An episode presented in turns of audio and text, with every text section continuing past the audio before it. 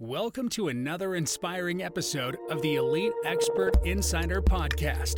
Hosts Melanie Johnson and Jenn Foster are the owners of Elite Online Publishing. They're both Wall Street Journal, USA Today best-selling authors. We're really glad you're here because this podcast was designed for you. Meet industry experts that share their secrets and strategies. Get successful results for your business in money, relationships, health, and your life. Each episode is going to inspire you to take action towards reaching your greatness. Hey everyone, welcome to our latest podcast. I'm here with my co-founder of Elite Online Publishing, Jenn Foster. How you doing, Jenn? I'm doing great. How's everyone today? I hope everyone's doing wonderful. So, today we are talking about marketing, which is one of my favorite topics. I'm always interested in new ways to market, new ways to look at marketing, how to close those sales, right? How to get from people knowing about you, liking you, trusting you, and then actually wanting to buy from you. And I heard a new term today called demand generation marketing, which I had never heard before. So, we have the expert on that. She is the CEO of Growth Mode marketing. She has been on a mission to learn everything about B2B marketing, but she promises me it'll work for B2C marketing as well. so we're going to dive into her expertise about marketing, demand generation, content marketing automation, everything marketing today. So if you're interested in marketing, you are in the right place. Deanna Shimota, thank you for joining us today. Thank you. It's great to be here. Well, tell us, Deanna, where you like how you got into marketing and how you started this company. Yeah. So, you know, I started my marketing journey back in college. I'm one of those rare marketers who actually majored in marketing in college and have worked my entire career mostly on the corporate side mm-hmm. in marketing roles at B2B organizations. And my last stop on the corporate side, I was a VP of marketing at a network security software company helping them with their high growth mission. And I was really struggling to find a marketing agency out there that understood where I was coming from as the leader of marketing who had a heavy weight on my shoulders to deliver more revenue for the organization and to help the organization grow rapidly because they were private equity backed. There was an expectation of you know you're going to grow rapidly within a few years. We're going to go and sell this company. Everyone's going to get their money and then some out of it. And then you're going to move on to the next thing so i was going out to agencies talking to them and you know i was in the b2b space so i was looking for agencies specifically on the b2b front and i was really struggling to find an agency that understood because i would go and talk to them and they're like I would say, I need leads. I need them yesterday. And they're like, let me tell you how we're going to build this beautiful brand experience for you. And I'm like, okay, you're not hearing me. I'm a marketer. I totally understand the value of brand. And, you know, I'll even talk about it, how it fits into demand generation. But it wasn't the conversation that I needed to be having with them. And mm-hmm. so I was like, God, I cannot find an agency that understands organizations that are in high growth mode, specifically in the B2B space, and how to build that growth engine for them. So ultimately, where I landed today, you know, for the last eight years, I've had growth mode marketing. I founded that with a former business partner, and we built that out specifically to work with organizations that have that high growth mission. That is a wonderful journey. And it's so true. Like, you know, branding to me is so different than the marketing and lead mm-hmm you know putting the message out there branding making sure you look right making sure your message is cohesive and everything is it's like designing the interior of a house right when you walk in it makes you feel good and it kind of gives you the message of the company but generating those leads is a totally different thing so right. let's into this demand marketing and how do you close the gap between marketing and sales through this strategy and tell us give us mm-hmm. your definition of demand generation marketing so we know exactly what you're talking about yeah, that's a great question because, you know, like in the B2B space, probably not so much in the B2C space, but you'll hear marketers talk about lead generation. You'll hear them talk about demand generation. And a lot of people think that's the same thing. You know, either way, I'm trying to grow my revenue and grow my business. Mm-hmm. And the way I look at it, lead generation and demand generation are actually very different marketing strategies. Mm-hmm. With lead generation, your marketing programs are only focusing on capturing the companies that are in market to buy right now. And, you know, the reality is statistically, only 5% of companies at any given time are actually in market to buy. When the economy is tight and companies are pulling back, which we're seeing a lot of right now, especially in the technology space, and I think, you know, broader across the economy, they're spending less money, they're investing less in bringing in vendors. That reality is now there's only 1% of companies that are in market to buy.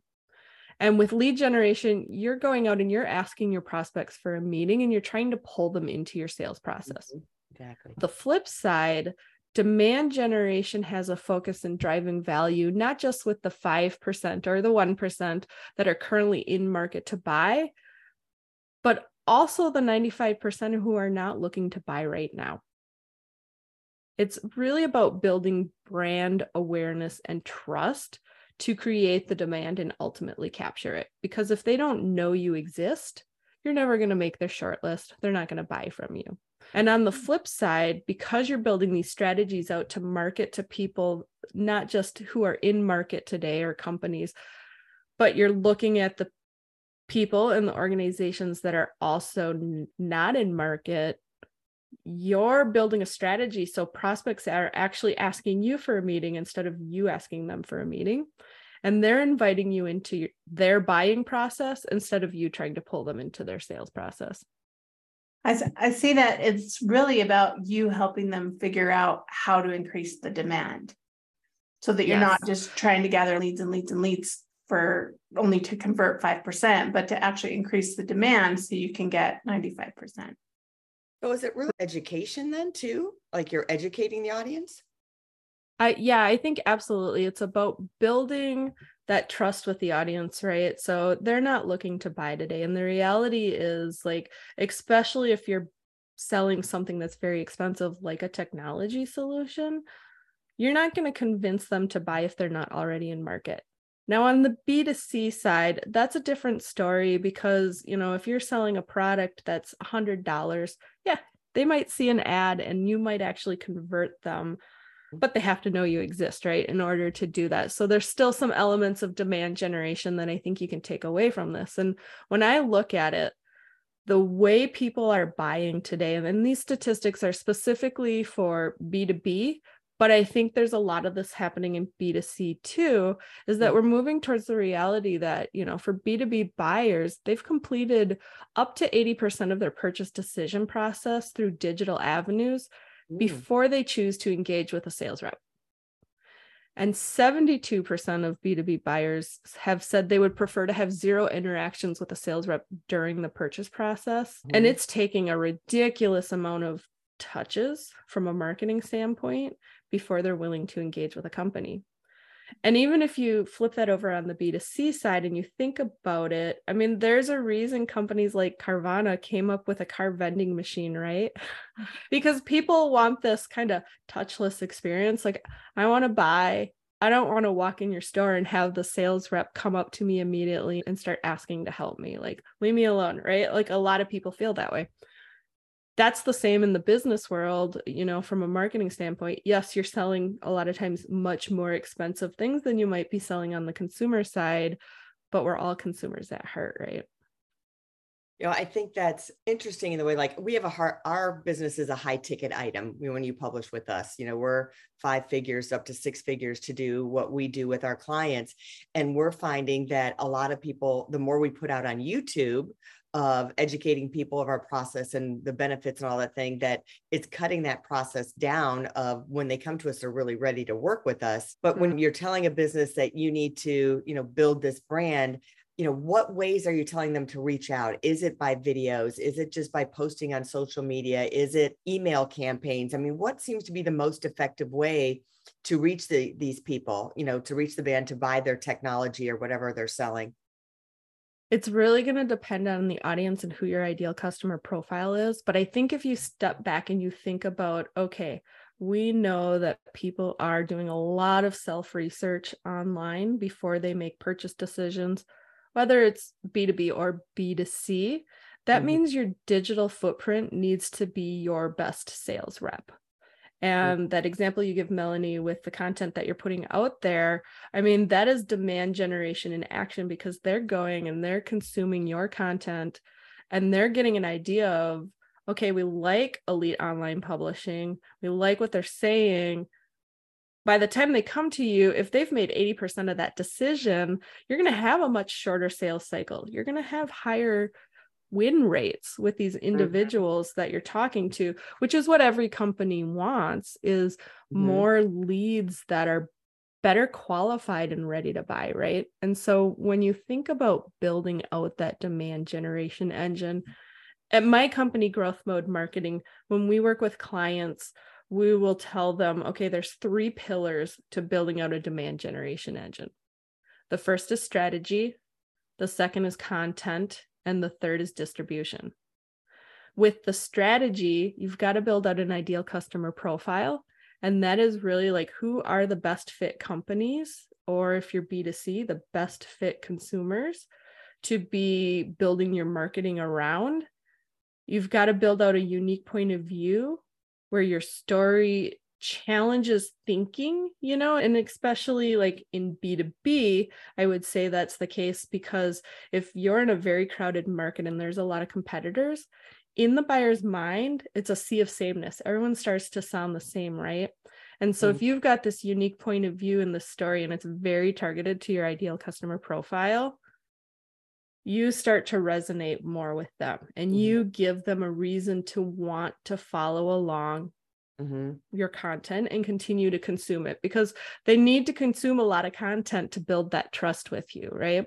From a content perspective, it's really building out what we call cornerstones and cobblestones of content.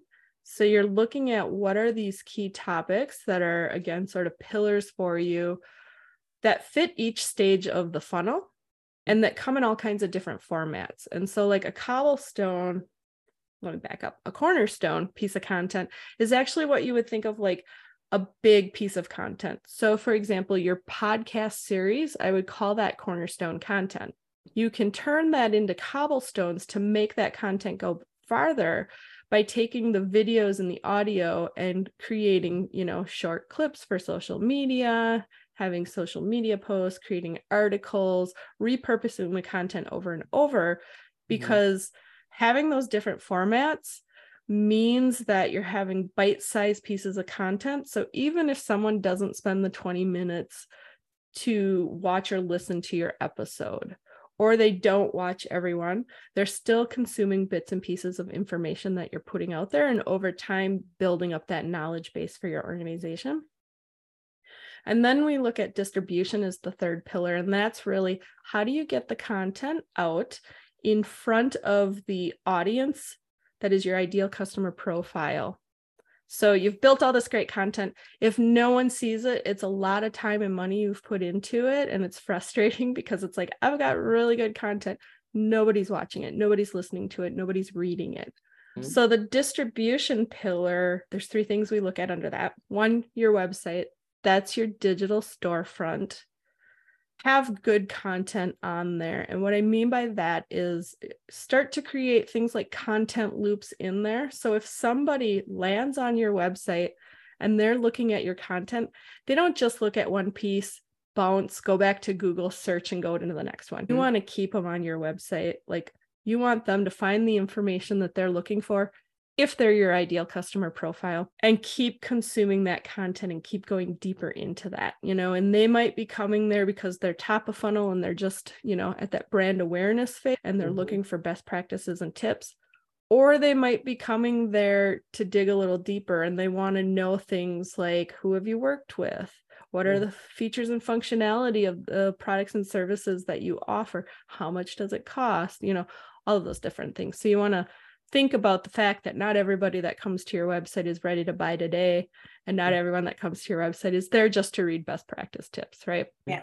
Would you say with the distribution like i know a lot of people are always like well where do i put my stuff? Like do i put it on linkedin? Do i put it on TikTok? like and i know it has to do with your audience but do you recommend them putting it everywhere or just where their audience is?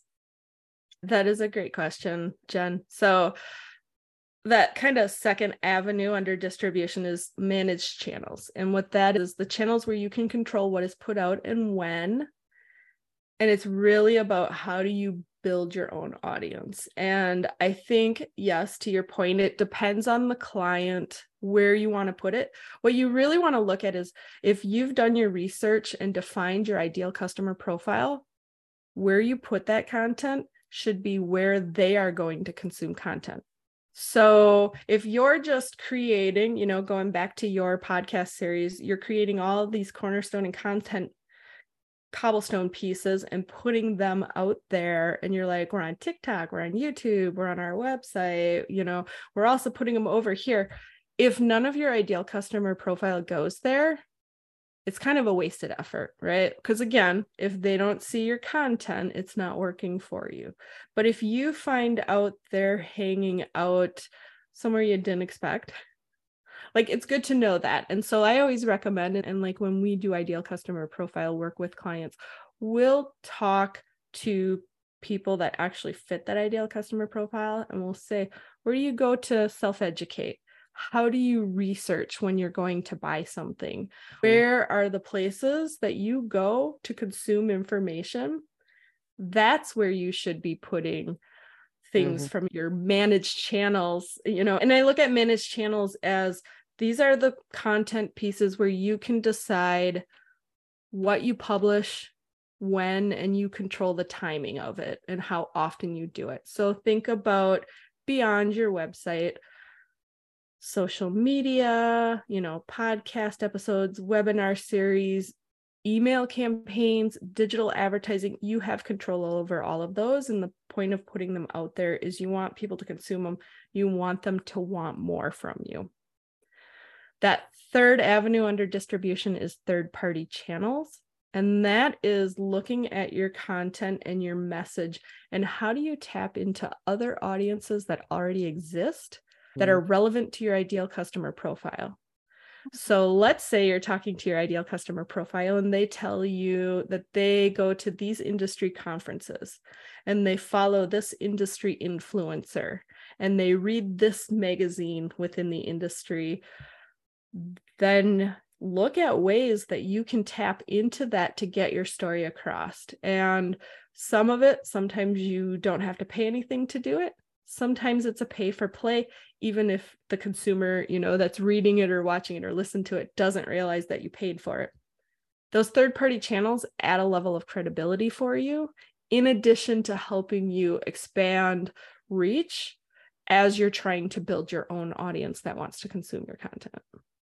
You know sometimes when you're starting from scratch or even if you're in business but you haven't done much social media some people are like you're just shooting in the dark right? You're trying mm-hmm. these, you haven't really done research. And tell us about keeping track of the metrics of it and getting your ROI on it. Because sometimes you're like, well, I'm throwing all this stuff out there. We were just saying the other day, like someone in a group that Jenn was in, she put something about a book, got all this response, and Jenn put it out there and they took her off. So it's like, you know, you just don't know. We're like, what's up with that? So, you know, how do you, you know, judge what is good and what you should be looking for as a response to the outreach and the distribution? Right? You know i think you have to look at like the indicators on things. As marketers you know and i'm sure this is the case in b2c as well but for b2b we've kind of been pounded into our heads like you have to come forward with metrics you have to validate what you're doing is working and then that's where you invest all your money. So things like digital advertising end up getting a lot of dollars because it's easy to prove yeah. whether that worked or not the reality is the way people buy, they're not just seeing a digital ad, unless maybe B2C. I mean, I'm guilty of buying way too many things that I see an ad for off of Instagram. But on the B2B side, for sure, and higher end consumer or higher cost consumer items is mm. probably the case as well. You didn't just see that ad and say, I'm going to buy it, right? Like you did your research, you probably had multiple touch points, you've been looking at it for a while. I know people, even if they're buying a $50 pair of pants, they had multiple touch points before they decided to pull the trigger on that, right? So I think you've got to be careful with the metrics in thinking that if I can measure it and I can see it, this is the one thing that drives it. Knowing how people buy and how companies buy, I think you've got to, one, if you are in the B2B space and even B2C, ask them, How did you learn about us? So they're telling you instead of you trying to track it and be like, oh, they came in via this digital ad that was the last touch point. That's when they raise their hand. Mm-hmm. But they mm-hmm. may actually tell you, I've been listening to your podcast for a year. Mm-hmm. That was the real factor, right? And you want to be able to understand that and know that because, you know, I have a podcast too.